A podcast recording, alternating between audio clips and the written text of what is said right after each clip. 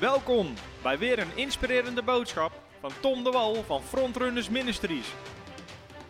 We bidden dat je via deze aflevering geïnspireerd wordt in je leven met God en opgebouwd wordt in je geloof. En we zijn bezig met een serie over God's Generals, Gods generaals. Mannen en vrouwen van God die God groot gebruikt heeft om de hele kerkgeschiedenis soms te veranderen. En ehm, vorige keer hebben we het gehad eigenlijk over de eerste periode van het christendom, over Jezus, het boek Handelingen en eigenlijk de periode tot en met de middeleeuwen. En de titel van de vorige keer was Hoe opwekking verdween. Toen Jezus op aarde was, toen de apostelen op aarde was, waren, toen boek Handelingen. ehm, met alle gelovigen die destijds leefden, was het opwekking. Er was één grote opleving. Massa's mensen kwamen tot Jezus. Er gebeurde van alles. Maar eigenlijk met de opkomst van de Rooms-Katholieke Kerk en hoe meer nadruk er kwam op controle ehm, en het aardse systeem, en helemaal toen keizer Constantijn en zijn zonen tot geloof kwamen, en hoe meer de kerk zich gerichtte op het aardse, hoe meer de opwekking verdween. Tot de opkomst van de Rooms-Katholieke Kerk, waar allerlei mensen als bisschop werden aangesteld, die mochten alleen preken, de Bijbel werd weggehaald, verschrikkelijke dingen. Er werd alleen Latijns gesproken wat mensen niet snapten. En heel veel mensen, je kon gewoon betalen om bisschop te worden over een bepaald gebied. Je hoefde niks van de Bijbel te weten. Ze vertelden gewoon letterlijk sprookjes aan mensen. Mensen, mensen geloofden in trollen in het bos. De meest rare dingen. Omdat dat is wat de priesters en de bisschoppen ze vertelden. En we hebben alvast gekeken naar de voorlopers van de Reformatie. En we hebben het gehad over Wycliffe, de Bijbelvertaler, en Johannes Hus. Die, en daar waren we geëindigd, die zijn leven gaf als martelaar. En de katholieke kerk had zo'n rothekel aan omdat ze zijn botten verbrand hebben. Maar hij gaf zijn leven als martelaar en hij stierf op de brandstapel in 1415. Maar toen die verbrand werd, schreeuwde hij het uit. Honderd jaar na mij komt er een man die jullie niet kunnen stoppen. Nou, de geest van profetie, de heilige geest kwam op hem. De gave van de geest uit 1 Korinthe 12 en hij schreeuwde. Honderd jaar na mij komt er een man die jullie niet kunnen stoppen. En, dat en die profetie is achteraf waarheid gebleken. Eh, want 100 jaar, na, jaar daarna begon de reformatie. Nou, wat is een reformatie? En de titel van deze boodschap is: Wat is er nodig voor een reformatie van de kerk? En een andere vraag is: Is een reformatie van de kerk nog nodig? Want we hebben eigenlijk de grootste reformatie hebben we gehad. En een reformatie van de kerk is iets anders dan een opwekking of een opleving, waar weer iets tot leven komt. Bij een reformatie wordt het hele kerksysteem omgedraaid. Het hele denken, de, het hele, de hele doctrine wordt eigenlijk, je zou kunnen zeggen, 180 graden een andere kant op gezet. En dat was nodig vanuit het Rooms-Katholieke systeem, waar mensen moesten betalen voor hun zonde, betalen om baby's te dopen, eh, allerlei rare manieren om mensen die al dood waren uit de hel te bidden in de hemel te krijgen. Eh, er werd geleerd dat je kinderen terugkwamen op insecten als, als insecten op aarde als je niet kon betalen voor de doop en als ze dan stierven. Ehm, de meest rare dingen werden geleerd. En het ging vooral heel veel om geld om je zonde af te kopen. En een aardskoninkrijk waarbij de paus letterlijk het land bestuurde. En het leger in zijn macht had, de politiek in zijn macht had. De kerk was regerend. En de kerk tussen haakjes eigenlijk gewoon niet de kerk van Jezus Christus, maar een, het aardse systeem, de Rooms-Katholieke Kerk. En dat hele systeem werd omgegooid op een gegeven moment door de Reformatie, door de Reformatie. En daar gaan we het over hebben, over die Reformatie. Want het is heel interessant om, om, eh, eh, om opwekkingsgeschiedenis te zien. Wat is God aan het doen door de tijd heen? Wat gaat God nu doen in de 21ste eeuw? Wat is God nu aan het doen? Wat gebeurt er allemaal over heel de wereld? Alleen om dat te begrijpen, moeten we het in een bepaald tijdslijn zetten om te zien wat is God al aan het doen. En de vorige keer hebben we gezien hoe opwekking begon bij Jezus, hoe opwekking afnam door de Rooms-Katholieke Kerk. En nu gaan we weer zien hoe het weer bergopwaarts gaat door de Reformatie. En de Reformatie was eigenlijk de opstand tegen de Katholieke Kerk. Die begon bij een man die bijna iedereen wel kent, Maarten Luther. En het was bijna, het, is, nou, 500 jaar geleden.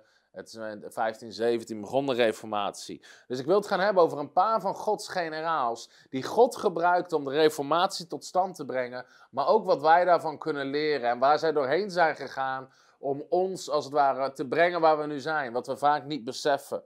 Uh, omdat we kunnen ons niet eens meer voorstellen hoe er toen gedacht werd en hoe, hoe er toen geleefd werd. Maar we hebben zoveel te danken aan deze generaals van God die voor ons gegaan zijn. En de Bijbel zegt in Hebreeën 6 vers 12, volg hen na die door hun geloof en geduld de belofte hebben ontvangen. En dit zijn mensen die we na kunnen volgen, die grote voorbeelden zijn. Nou, als je kijkt naar het leven van Maarten Luther, en ik wil niet heel diep op deze levens ingaan, maar er zitten wel er zitten hele interessante levenslessen en verloop in hun leven. Maarten Luther hij is geboren in 1483. Hij, werd opgegroeid, hij groeide op in een relatief rijk gezin. En in die tijd, je ziet dat al die mensen in de reformatie opstonden. Dit is trouwens het boek van uh, God's Generals over de, over de mannen die, uh, de Roaring Reformers. Mensen die grote rol hebben gespeeld in de reformatie. Het is geen heel makkelijk boek, het is een Engels boek. Maar wel heel goed als je het kan lezen. Uh, maar je ziet eigenlijk dat al die mensen die God gebruikte in de Reformatie allemaal uit de katholieke kerk kwamen, want er was alleen een katholieke kerk. Het waren mensen met een hart voor God. Ehm, eh, maar daardoor werden ze ook priester. En ook Luther groeide op en hij wist niks over vergeving of verzoening zoals wij dat nu kennen. Waarom? Door de Rooms-Katholieke Kerk en de bisschop en de priesters destijds waren hem allerlei uh, verhalen verteld over de Germaanse goden, uh, die ergens in de wolken zaten en boos waren. Hij had een heel raar beeld over Jezus. Hij dacht dat Jezus een enorm strenge rechter was, die woedend was en mensen graag naar de hel stuurde. Hij geloofde in trollen in het bos. Dat was hoe Luther opgroeide, omdat dat is wat de kerk hem leerde. De meest gekke dingen. Uh, de geestelijke leiders vertelden hem dat. En uiteindelijk, hij heeft ergens een hart voor God en hij wil God dienen. En hij is bang voor God. Dus hij dacht, ik kan best om aan God gaan dienen. Dus hij besluit priester te worden. En op zijn twaalfde jaar kan hij al vloeiend Latijn spreken. En daardoor krijgt hij toegang tot een Bijbel. En uiteindelijk wordt hij priester en krijgt hij toegang tot een Bijbel. En dan kan hij het lezen. En Luther vindt uit, terwijl hij zijn Bijbel leest, dus Luther leest de Bijbel in het Latijns, en hij komt erachter dat wat die priesters en uh, de bisschop hem verteld hebben, dat het totaal anders is dan wat hij leest in de Bijbel. En hij komt erachter dat het woord van God is voor iedereen, redding is voor iedereen. Hij komt niks tegen over betalen voor je zonde en al die dingen. Het, het, is een heel groot conflict in zijn hoofd met wat de kerk leert en wat iedereen om hem heen gelooft. De hoofdreden dat we respect moeten hebben voor deze mannen en vrouwen van God, is omdat ze dwars tegen de stroom ingingen. In een tijd dat niemand anders hetzelfde geloofde. Iedereen ze verketterde, uitspuugde, belachelijk maakte, vervolgde. Sommigen zijn letterlijk verbrand, onthoofd, dat soort dingen. Tegen de stroom in gingen ze, omdat ze wisten wat het woord van God leert is de waarheid en niet wat mensen leren. Dus Luther ook. Hij heeft in het begin een enorm conflict in zijn hoofd als hij eigenlijk erachter komt in de Bijbel hoe het echt zit. En hij komt uh, achter die, die, uh, de contrast tussen wat de katholieke kerk leert en wat het woord van God leert. En hij begint daar onderwijs over te geven. Op een gegeven moment is hij docent aan een universiteit van Wittenberg. En hij begint daar onderwijs over te geven. En het grappige is, wat wij allemaal kennen, is dat Lucas zijn 95 stellingen daar aan die uh, kerkdeur timmert met waar hij voor staat en wat hij gelooft en waarom. Het grappige is dat Luther, dat is eigenlijk wat wij zeggen, dat is het begin van de reformatie. Dat was de openbare aanklacht van Luther, van dit is waar we voor staan. Alleen voor Luther was dat zelf niet zo bedoeld. Als je zo'n levensverhaal leest, dan, hij liep er op een gegeven moment tegenaan, er was een bepaalde, uh, Johan Tetzel heette hij, hij was een priester. En iedereen kocht zijn zonde af bij die priester. Dus mensen zeiden, ja, ik heb iets verschrikkelijks gedaan. Wij ik heb overspel gepleegd of wat dan ook. Maar hier heb je geld. En dan zei hij, oké, je bent vergeven. En dan kregen ze een brief of een, of een bewijs dat ze vergeven waren. En Luther, die was ook priester. En op een gegeven moment kwamen mensen die vertelden hun zonde. En dan wilde Luther daar iets van zeggen. Maar dan zei ze, nee, je mag hier niks van zeggen. Want kijk, ik heb ervoor betaald. Ze zijn vergeven. En Luther wordt daar boos om, omdat mensen in de meest verschrikkelijke zonde leven en ze denken dat ze het met geld af kunnen kopen. Dus Luther onderbouwt dat dat fout is en hij timmert dat aan die, aan die deur in, de, in het denken dat ze het ongetwijfeld met hem eens zullen zijn. Alleen, het werd niet zo ontvangen. Want hij komt erachter dat ze het helemaal niet met hem eens zijn, dat ze het zien als een openbare aanval uh, op het gezag en op de kerk. En Um, uiteindelijk Luther, uh, de paus, die staat tegen hem op en die zet Luther dan weg als ketter. Hij zet hem weg als ketter. Dus Luther is een, uh, is een dwaalleraar, valse profeet. En hij wordt als ketter bestempeld. En uiteindelijk is er dan een hele beroemde discussie uh, tussen Luther uh, en Johannes Eck, dat is een, theologie, of een theoloog, over de positie van de paus. En Luther kiest in die openbare discussie, hij zegt, joh, Johannes Huts, Wycliffe, zij hadden gelijk. De paus is niet bijbels, het pausdom is niet bijbels. En dan roept Luther sola scriptura. Sola scriptura, dit is waar het om gaat. Luther zegt, hier zit autoriteit in. Niet in wat de paus zegt, niet in wat kerkelijke leiders zeggen, als het niet overeenkomt met wat God zegt, wat God in zijn woord zegt. En dan kiest hij openbaar tegen de paus. En uiteindelijk de, um, de theologen van Leuven, en die uh, theologieschool is, die is meegegaan met de reformatie, maar die, uh, die, die zijn dan tegen Luther en dan noemt hij ze de ezels van Leuven. En eigenlijk, uh, sommige, als je kijkt waar Jezus boos om wordt in de Bijbel, zijn het vaak religieuze mensen waar Jezus moeite mee heeft. In Matthäus hoofdstuk 23 is Jezus een hoofdstuk lang de fariseeën aan het uitschelden, zou je kunnen zeggen. Witgepleisterde wanden, uh, jullie zijn andere gebroed. Waarom? Jezus heeft een hekel aan religie, want religie verwijdert mensen bij God. En terwijl hij wil mensen herstellen in relatie met God. Um, als er vragen zijn, stel ze gerust en dan zal ik ze proberen te beantwoorden. En wat Luther eigenlijk. Um, hebben we het plaatje van Luther? Um, ik denk de tweede of de derde. Even kijken hoor.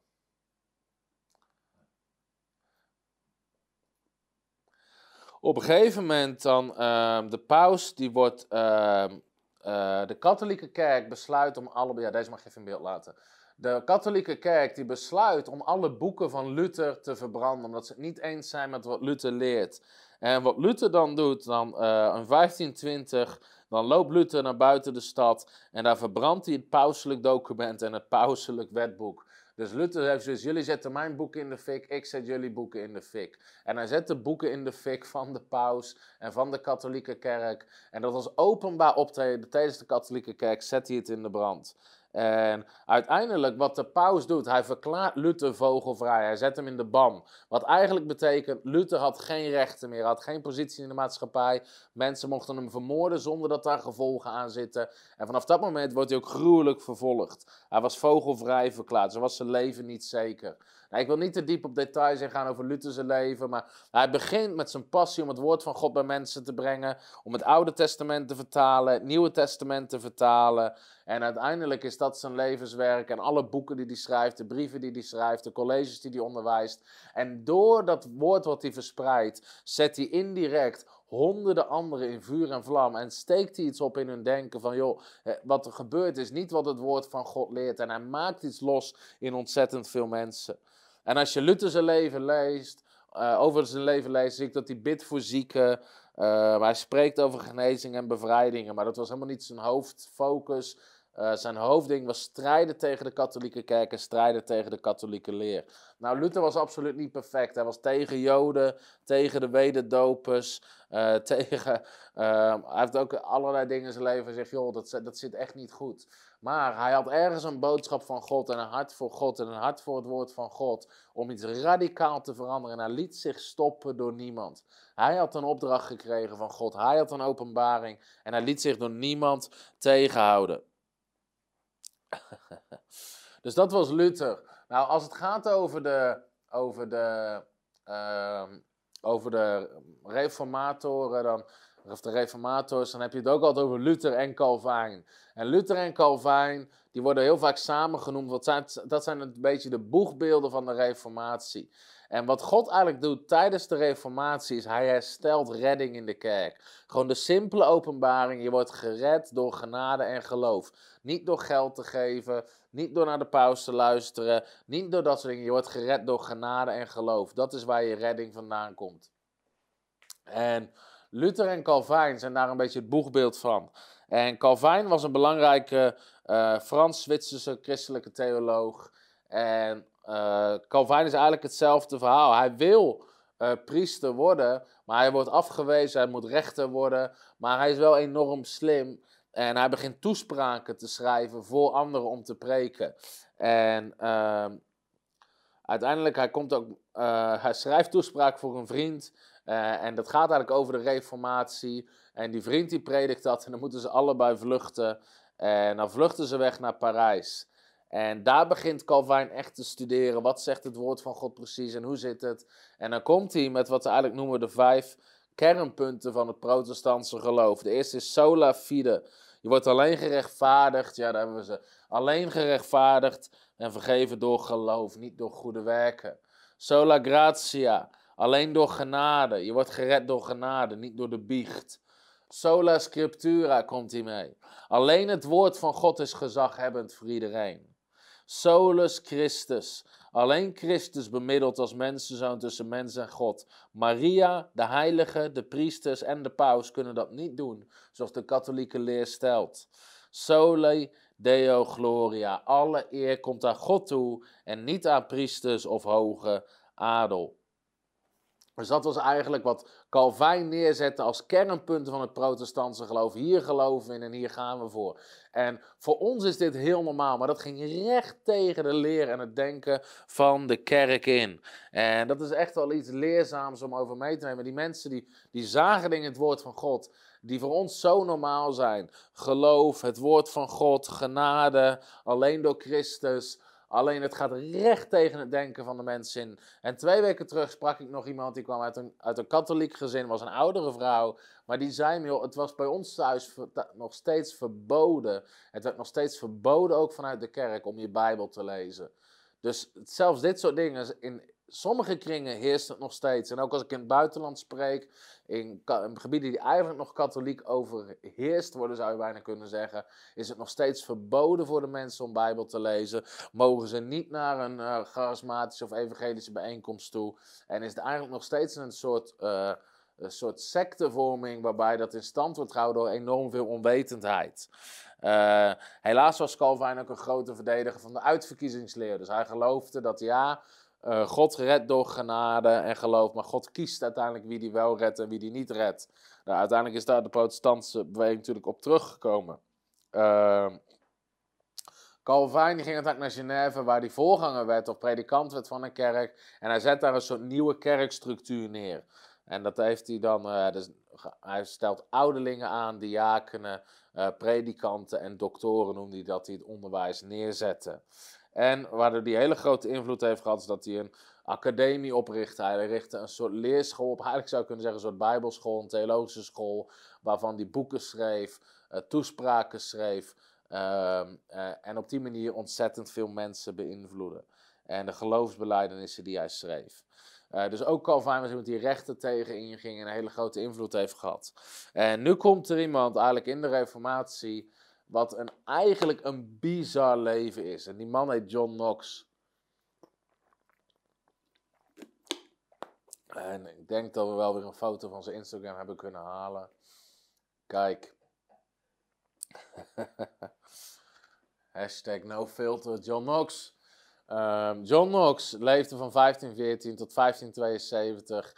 En deze man, als je ooit een boek over hem vindt, dit is een werkelijk waar een enorm interessant uh, leven om te, uh, om te bestuderen. Hij was een, hij was een Schotse, um, hij kwam uit Schotland en op een gegeven moment in Schotland is een enorm gevecht geweest tussen de katholieke kerk en de protestantse beweging. Letterlijk een gevecht. Letterlijk, de predikingen van deze man hebben burgeroorlogen ontketend in dat land.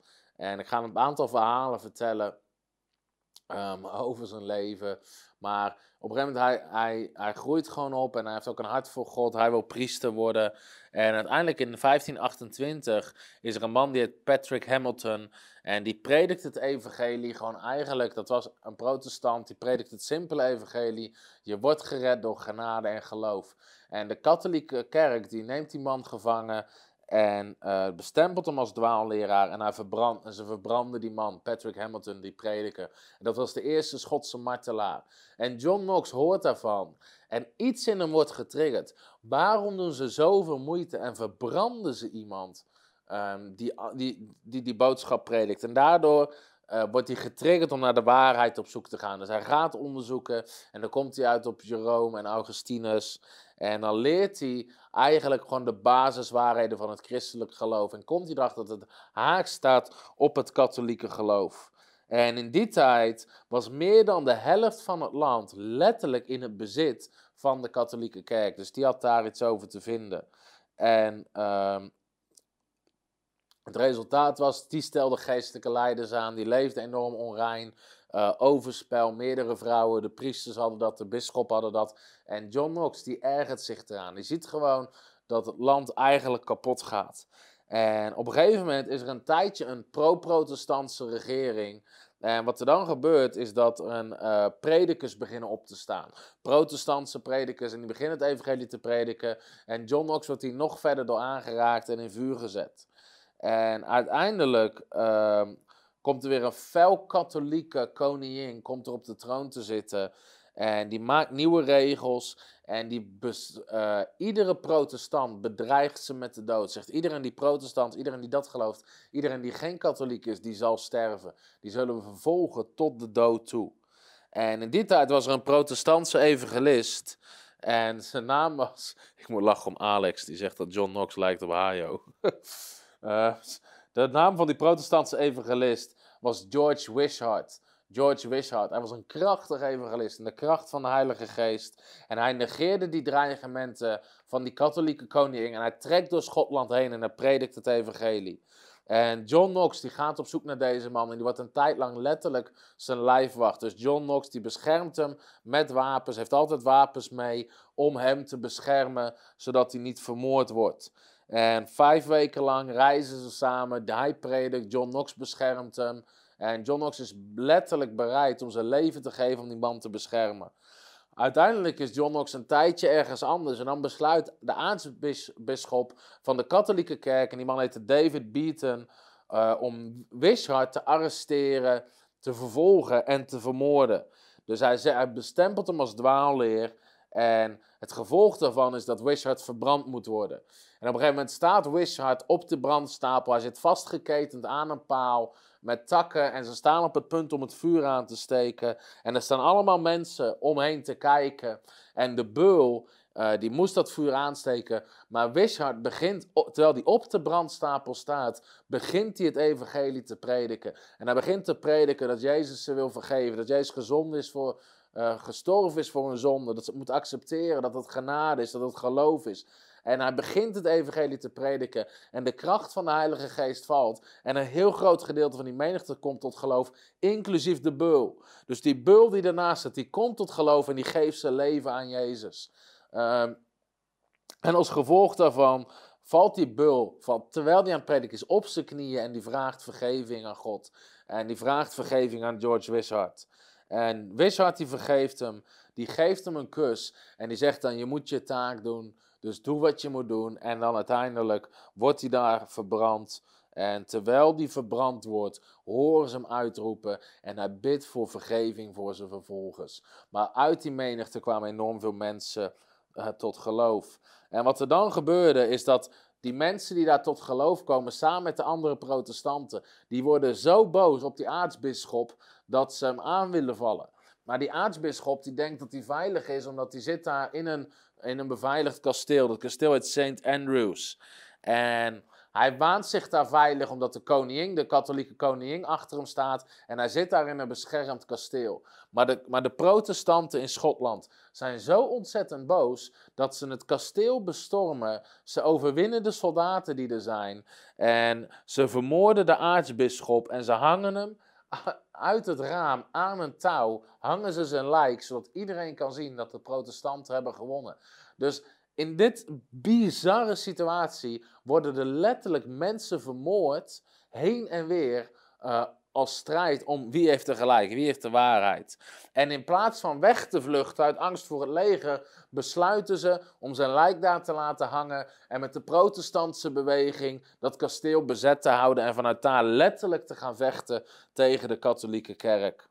En ook John Knox sluit zich daarbij aan, die gaat in dat kasteel wonen en die begint daar vanuit te, publiceren, uh, onderwijs tegen de katholieke kerk en te prediken tegen de katholieke kerk. En op een dag, uh, die koningin Elle heette Mary. Alleen het lastige aan het verhaal is dat er wel vijf verschillende Marys van Schotland en, uh, en Engeland in het verhaal betrokken zijn als je het hele verhaal leest. Maar ze heette Mary. Ehm, Ik kan het misschien nog wel iets toelichten. Uh, Mary the Geese heette ze. G-U-I-S-E. En um, dus John Knox begint vanuit het kasteel te prediken. En op een dag besluit hij om een katholieke bijeenkomst. Dus in een katholieke kerk, een grote katholieke kerk, wordt gepredikt. En John Knox gaat tussen die mensen zitten. En die priester, de hoge priester daar, die beweert in zijn preek dat de katholieke kerk het enige recht heeft om iemand van dwaalleer te beschuldigen. En op het moment dat hij dat zegt, staat John Knox op, midden in die dienst. En die gaat er tegenin. En dan schreeuwt hij in die dienst. De katholieke kerk is verder afgedwaald van de apostolische kerk, dus van de kerk van handelingen, dan dat de Joden afgedwaald waren van God toen ze Jezus kruisigden. Nou, dat is natuurlijk nog een uitspraak. Hij zegt, jullie zijn verder afgedwaald van God uh, dan de Joden toen ze Jezus kruisigden. En die priester die weigert openbaar in debat te gaan, maar ze besluiten dan een meeting te hebben om debat te voeren. John Knox tegen die priester. En John Knox die, die gaat dan naar die meeting toe en die begint te prediken. En zijn preek gaat erover dat de katholieke kerk de, sigoon, de, de, de synagoge van de Satan en de antichrist is. De pauselijke orde is onbijbels. De paus is de antichrist. Ze zijn allemaal hypocriet, onrein, leven in zonde. Het vagevuur is verzonden, uh, verzonnen. Het bidden voor doden is hekserij. Nogmaals, de paus is de antichrist en alle die de paus volgen behoren de antichrist toe. Nou, dat was de preek van John Knox. Je hoeft geen profeet te zijn om aan te kunnen voelen dat hij niet zo lekker landde daar in de groep. Uh, maar niemand durfde hem in de reden te vallen. Hij was zo aan het preken, zo vol passie, zo vol vuur, dat niemand hem in de reden durfde vallen. En um, John Knox heeft iets over zich dat hij mensen totaal in vuur en vlam kan zetten. Hij is zo gepassioneerd. En uiteindelijk, de katholieke kerk is bang dat hij, dat, dat blijft prediken uh, in die openbare samenkomsten. Dus ze stellen een regel in. Alleen officiële priesters van de katholieke kerk mogen prediken in de zondagdienst. En John Knox, als antwoord op die regel, gaat hij van maandag tot en met zaterdag elke dag de hele dag prediken, behalve op zondag. En op die manier krijgt hij steeds meer mensen achter zich.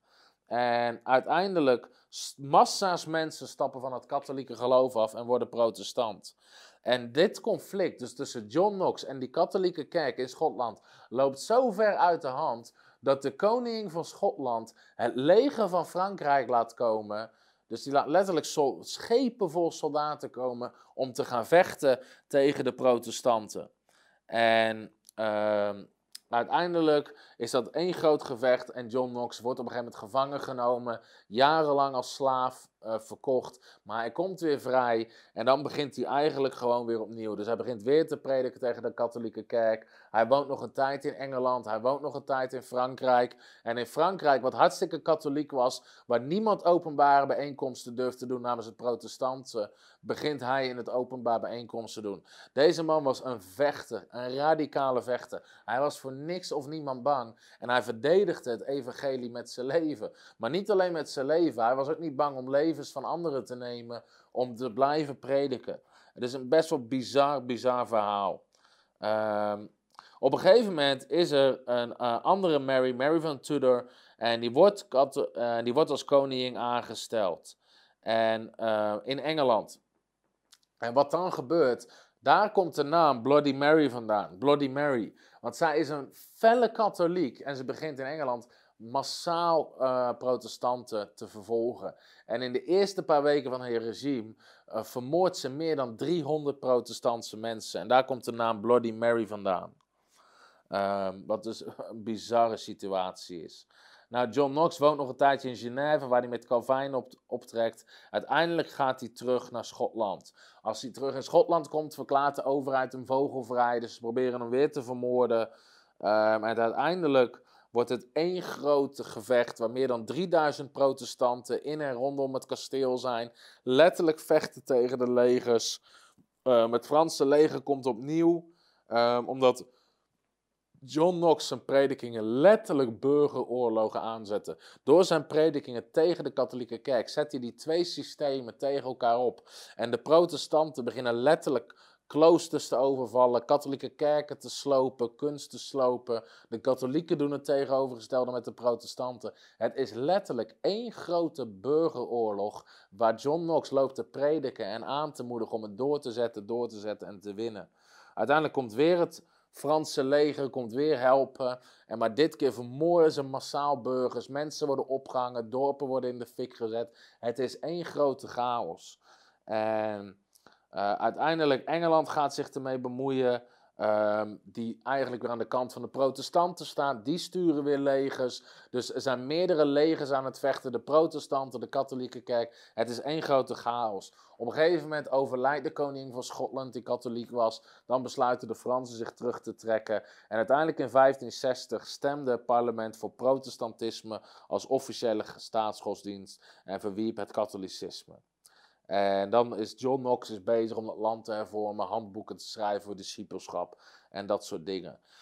Nou, John Knox is misschien wel een van de meest onbegrepen predikers, omdat het letterlijk, het was letterlijk vechten voor het evangelie. Het deel je andere wang toekeren had John Knox anders begrepen of niet toegepast. Want er werden letterlijk van beide kanten mensen vermoord, oorlogen gevoerd. Hij was het aan aan het vuren. bizar, bizar, bizar. Maar uiteindelijk winnen ze uh, met het protestantisme en met het woord van God, winnen ze die strijd uh, daar. En John Knox letterlijk uh, heeft hele landen tegen elkaar opgezet door zijn predikingen. Nou, in die tijd begint er eigenlijk ook al relatief vroeg een andere beweging te, uh, te komen. En dat is een, een dat is een beweging die we vandaag nog steeds wel kennen. En dat waren de Anabaptisten. En daar hebben we denk ik ook een plaatje van, de wederdopers. Want je ziet altijd dat openbaring is progressief. Openbaring, er komt meer en meer openbaring. Uh, hm? uh, als het goed is, staat ook een plaatje van een kerk met kooien die eraan hangen. Zie je die? En daarvoor misschien nog een, maar dat weet ik niet. Kun je die eens in beeld brengen? Je ziet dus heel vaak dat Openbaring is progressief. Wat ik daarmee bedoel is dat God herstelt kennis. God herstelt kennis. Ja, de Anabaptisten, deze mag je even in beeld laten. De Anabaptisten zijn eigenlijk de wederdopers. Daar staan ze voor, doe maar klein in beeld. De Anabaptisten zijn de wederdopers.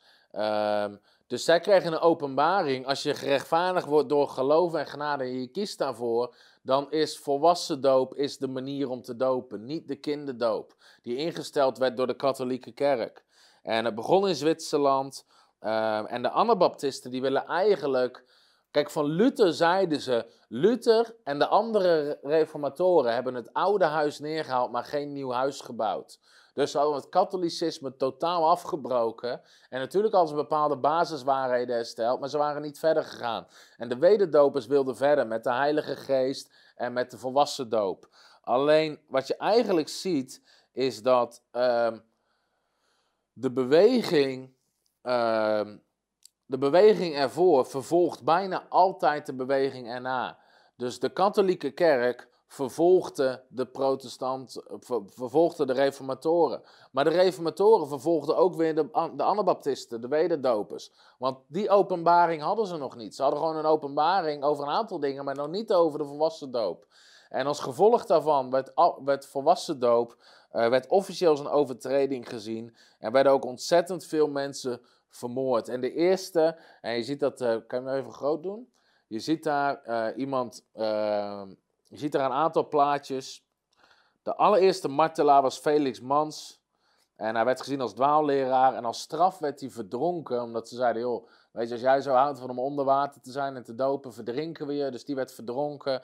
Anderen werden op de bandstapel gegooid. En uh, op het plaatje links zie je uh, kooien hangen aan de kerk. En dat is de Sint-Lambertuskerk. En een Rooms-Katholiek kerkgebouw in de Duitse stad Münster. En aan die toren hangen ijzeren kooien. En daar hebben ooit de lijken, lijken ingezeten van de aanvoerders van de wederdopers. Jan van Leiden, Berend Krechtling en Berend Knipperdolling. Dus die lijken van die wederdopers hadden die wederdopers gepakt. En hun lijken werden in die kooien gedaan en opgehangen aan de kerk. Om aan iedereen te laten zien, dit is wat we met je doen als jij je laat dopen. Bizarre vervolging waar ze doorheen gingen. Nou, in die tijd zie je ook ehm,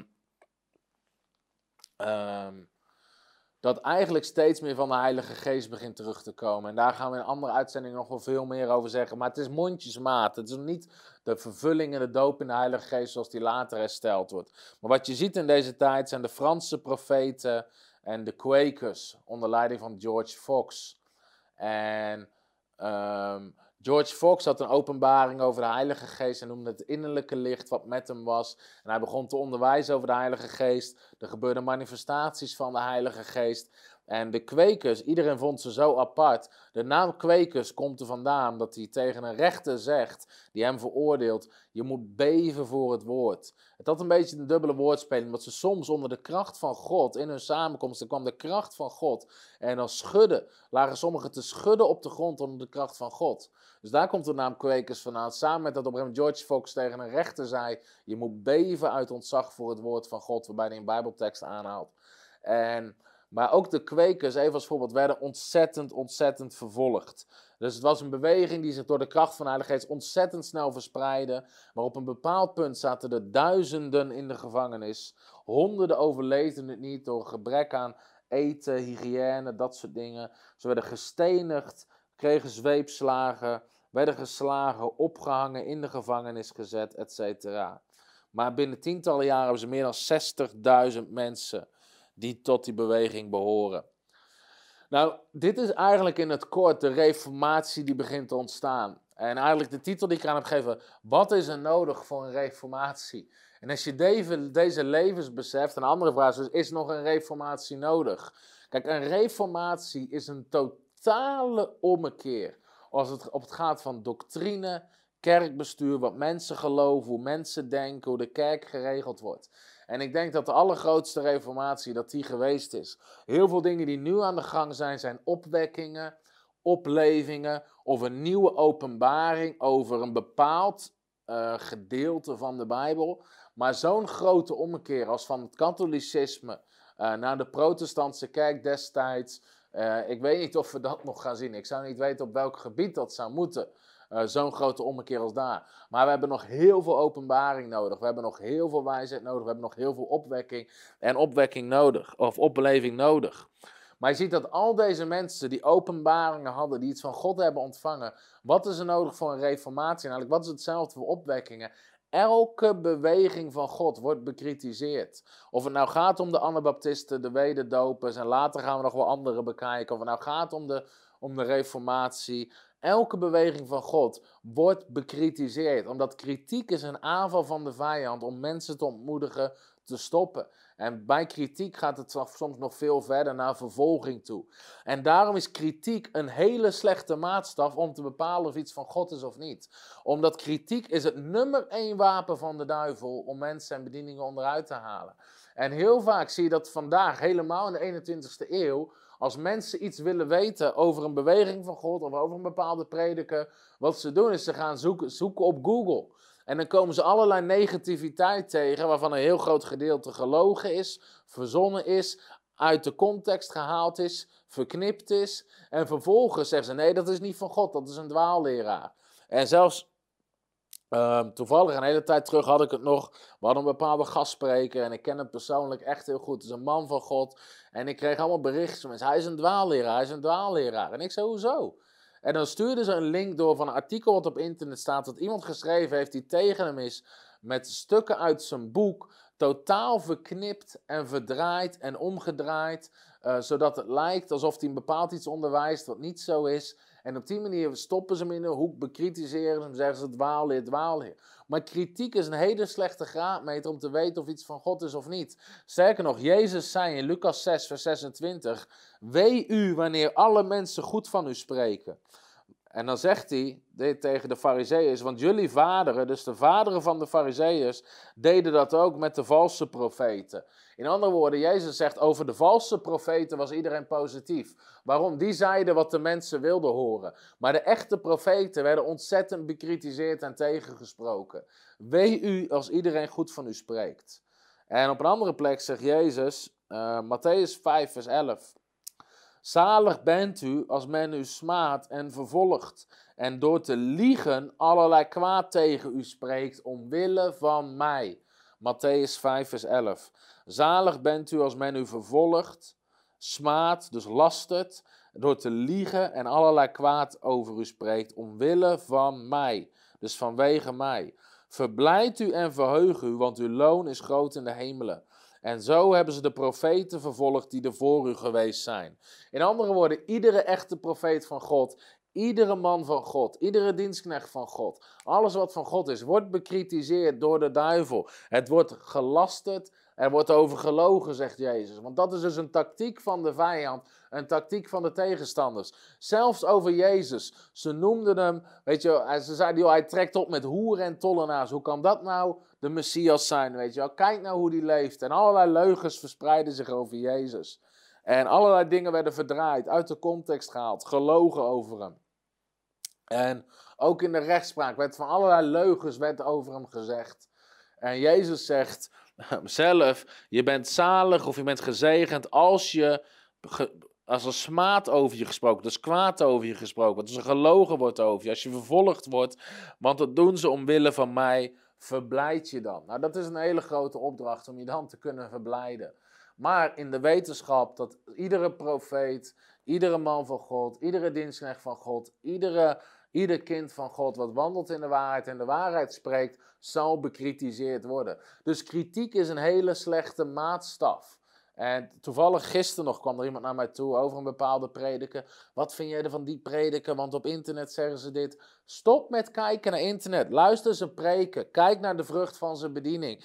Predikt hij wat het woord van God zegt? Jezus zegt, aan de vrucht herken je de boom. Komen mensen tot Jezus? Worden mensen gedoopt? Worden ze vervuld met de Heilige Geest? Worden ze gediscipeld? Worden ze het woord van God onderwezen? Kijk naar de vrucht. Kijk naar de vrucht. En stop met kijken naar wat een of andere mafkees op internet over iemand schrijft. De mensen die kritiek leveren zijn nooit de mensen die vrucht dragen in Gods koninkrijk. Want als je druk bent met vrucht dragen, heb je geen tijd om kritiek te leveren. Dan ben je druk met vrucht dragen. En gewoon doen wat jij moet doen in het koninkrijk van God.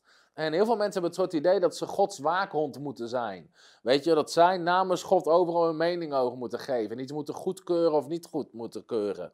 Weet je, iemand kwam een keer in een van onze samenkomsten en die zei achteraf, die kwam naar me toe, ja, ik keur het goed. Ik heb je goedkeuring niet nodig. Gefeliciteerd. Ik ben blij dat je het goedkeurt. Maar als je het niet goedkeurde, even goede vrienden. Maar weet je, ik heb zijn goedkeuring niet nodig. Ik heb de goedkeuring van God nodig. Paulus zegt zelf in Galaten 1 vers 10, zijn we bezig om mensen te overtuigen of God? Engels die zegt, are we pleasing people or God? Wie proberen we te behagen, God of mensen? Wie probeer je te plezieren? Als ik nog mensen behaagde, zou ik geen dienstknecht van Christus kunnen zijn. Nou, dat zou de slogan kunnen zijn van al deze mensen die een rol speelden in de Reformatie. Als ze mensen hadden behaagd, naar mensen hadden geluisterd, waren ze geen dienstknechten van Christus geweest, want ze hadden nooit hun roeping kunnen vervullen. En Paulus zegt: Als ik luister naar mensen, kan ik geen dienstknecht van Christus zijn. Soms vraagt God dingen van je die tegen iedereen ingaan wat mensen vinden. En dat zie je door heel de Bijbel heen, van Noach tot Abraham. En daarom is kritiek een hele slechte maatstaf. Um, dit zie je zelfs in Handelingen 7, vers 51, waar uh, Stefanus, die op hem vervolgd wordt, hij zegt dan tegen die Joden, hardnekkige en onbesnedenen van hart en oren, u verzet u altijd tegen de Heilige Geest, zoals ook uw vader al deden, doet u ook. Wie van de profeten hebben jullie niet vervolgd? Zelfs hebben zij hen gedood die de komst van de rechtvaardigde aankondigden, van wie u nu verraders en moordenaars bent geworden. Hij zegt, wie van de profeten hebben ze niet vervolgd? Wie van de profeten hebben ze niet vervolgd? Dus als het gaat daarom, als je kijkt naar Johannes de Doper, profeet van God, hij werd vermoord. Jezus werd gekruisigd. Paulus en de apostelen werden, werden, vermoord. Waarom? Vanwege de boodschap. Dus, en dat is eigenlijk ook het mooiste argument aan het christendom. Weet ze predikten de opstanding van Christus. Ze predikten opgestaan in Jezus. En soms zijn er mensen die zeggen, ja, ik weet niet of de opstanding waar is, zeggen soms seculiere mensen. Nou, de reden dat de opstanding waar is, dat al die mensen, sommigen zeggen het is een verzinsel. Ze hebben verzonnen, ze hebben ze, ze hebben zijn lichaam uit het graf gehaald, ze hebben dat verzonnen om een goed verhaal te hebben. Dat is totale onzin. Want bijna alle kerkleiders, de vroege kerkleiders, zijn gestorven vanwege hun geloof. Ze zijn gemarteld en kapotgeslagen. En niemand van hun riep: Het is niet waar, het is verzonnen. Allemaal bleef ze op het punt van de dood volhouden. Jezus Christus is de waarheid. Hij is opgestaan uit de dood en ik ben bereid om mijn leven daarvoor te geven. Dus als het gaat om wie waren de reformatoren van die tijd, ook Paulus was een reformator. Weet je, hij zette het hele Joodse systeem op zijn kop. Hij zette de wereld op zijn kop, zette Handelingen 17. Hij draaide het hele systeem om met de prediking van het evangelie. En Jezus is voor Jood en Heiden. Hij zette alles op zijn kop. Maar hij bleef doorgaan, hij bleef doorgaan, hij bleef doorgaan. Weet je, wat is er nodig voor een reformatie van de kerk? En nogmaals, ik geloof niet dat er nog zo'n grote reformatie nodig is. Maar er is nog heel veel waarheid in het woord van God te herstellen. Over de zegen van God, over genezing, over bevrijding, Ehm, eh, over de Heilige Geest, over de heerlijkheid die God wil brengen, over de bewegingen van God, over de vijfvoudige bediening, over de manier waarop we kerk zijn, de manier waarop we mensen bereiken, de manier waarop we dingen doen, is nog ontzettend veel te herstellen. En God roept mensen op in dit uur om die waarheden uit zijn woord te herstellen en te prediken zoals ze zijn. En eigenlijk als een soort mini-reformators doorgaan, doorgaan, doorgaan met de boodschap die God hun gegeven heeft.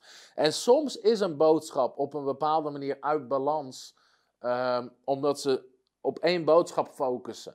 Maar dat maakt niet uit, het komt alweer in balans. Weet je, daar hoeven we ons geen zorgen over te maken. We hebben gewoon mensen nodig die pioniers zijn, die iets doorbeuken als het ware, wat God op hun hart heeft gelegd om te herstellen. Zoals mensen dat op hun hart hadden over redding, over de waterdoop, later over de Heilige Geest, sommigen over genezing.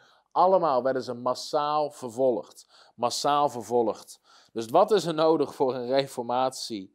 Um, het waren vechters voor de waarheid met een enorme passie voor Gods woord.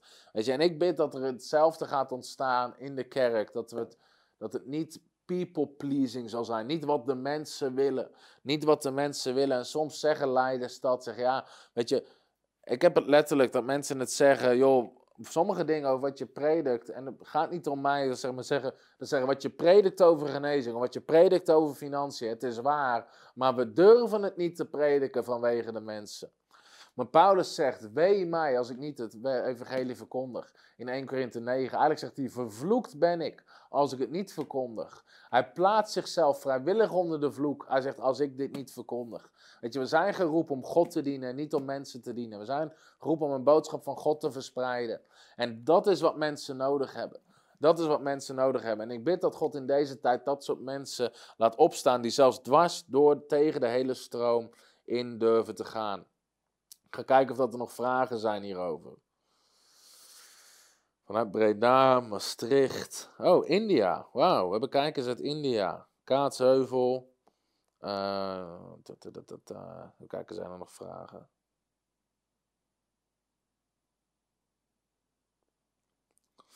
Ja, Jannie zegt iets over de reformatie en daar wil ik wel iets over zeggen, over kerkstructuren die op een gegeven moment Calvijn begon in te stellen. Dus hoe zit het met kerkstructuur in het Nieuwe Testament?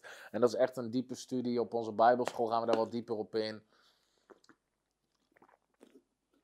Um, kijk, ik geloof niet dat het goed is om tegen gebouwen te zijn. Dus sommige mensen ja, de kerk in handelingen kwam alleen maar samen in huizen. Dus een gebouw is fout. Je hoeft geen gebouwen te hebben voor je diensten. Nou, dat is niet helemaal zo. Want ten eerste kwamen ze onder andere samen in huissamenkomsten, maar ook gewoon in openbare samenkomsten. In de synagoge gaf Paulus zelfs in Handelingen 19 twee jaar lang onderwijs, gewoon publiekelijk. En als het gaat om ze kwamen samen in het huis, als je het goed bestudeert, waren het vaak de huizen van rijke, welvarende christenen, waar ontzettend veel mensen konden verzamelen. En de reden dat ze samenkwamen in huizen was omdat ze vervolgd werden. Dus ze konden ook eigenlijk op een gegeven moment openbaar niet samenkomen met meerdere mensen.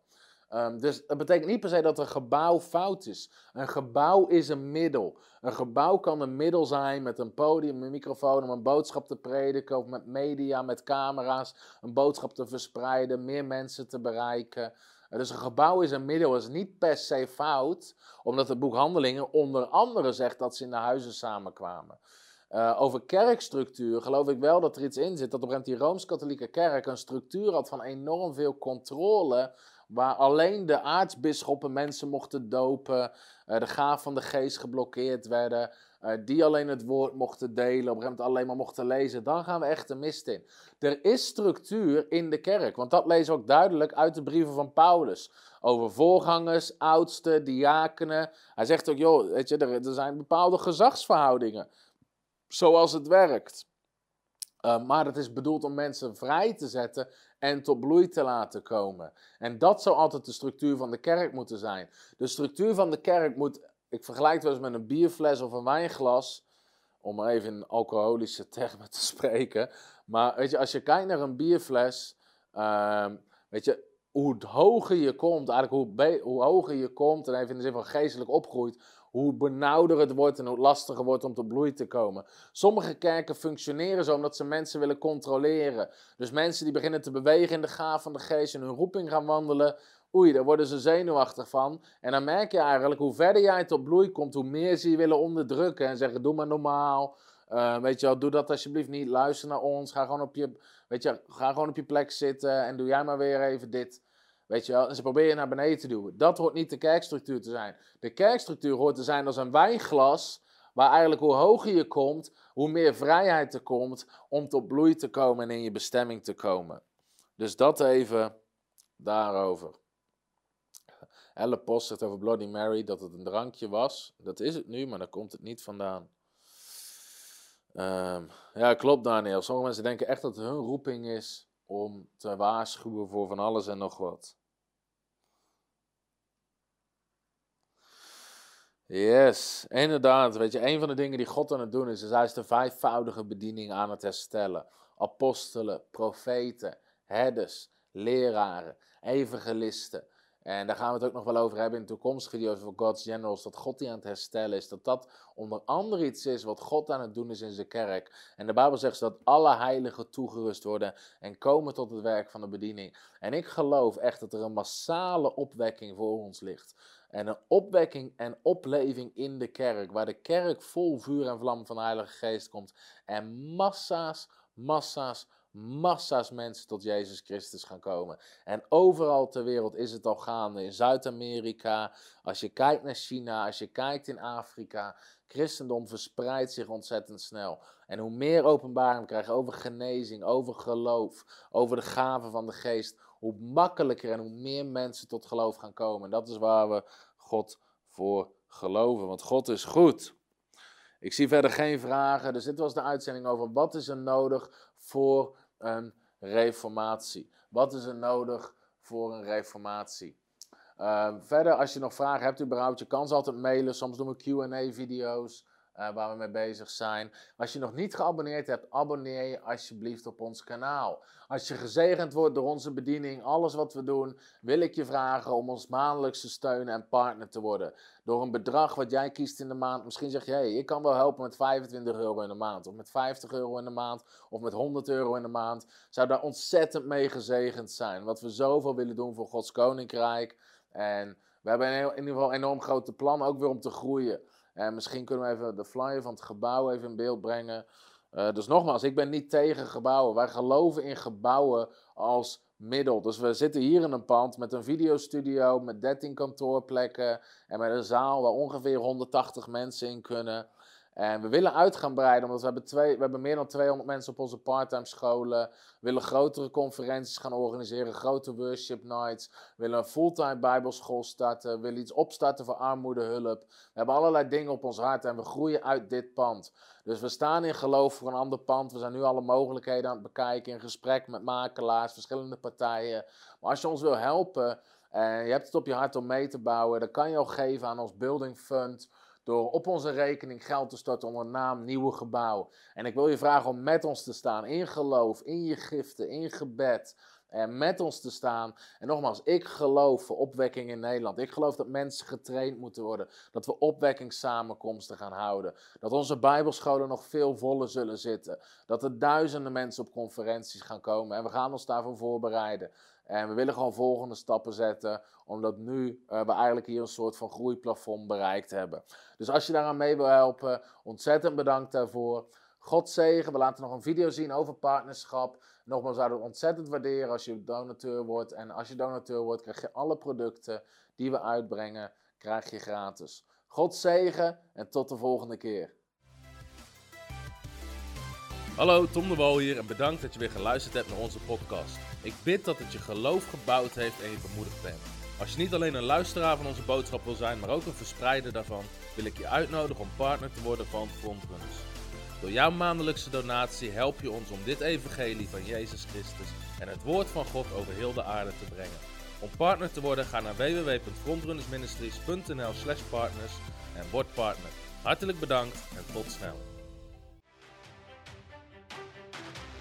Heb je ook zo genoten van deze inspirerende boodschap van Tom de Wal? Abonneer je dan op deze podcast. Volg ons op Facebook en op Instagram en kijk op onze website frontrunnersministries.nl.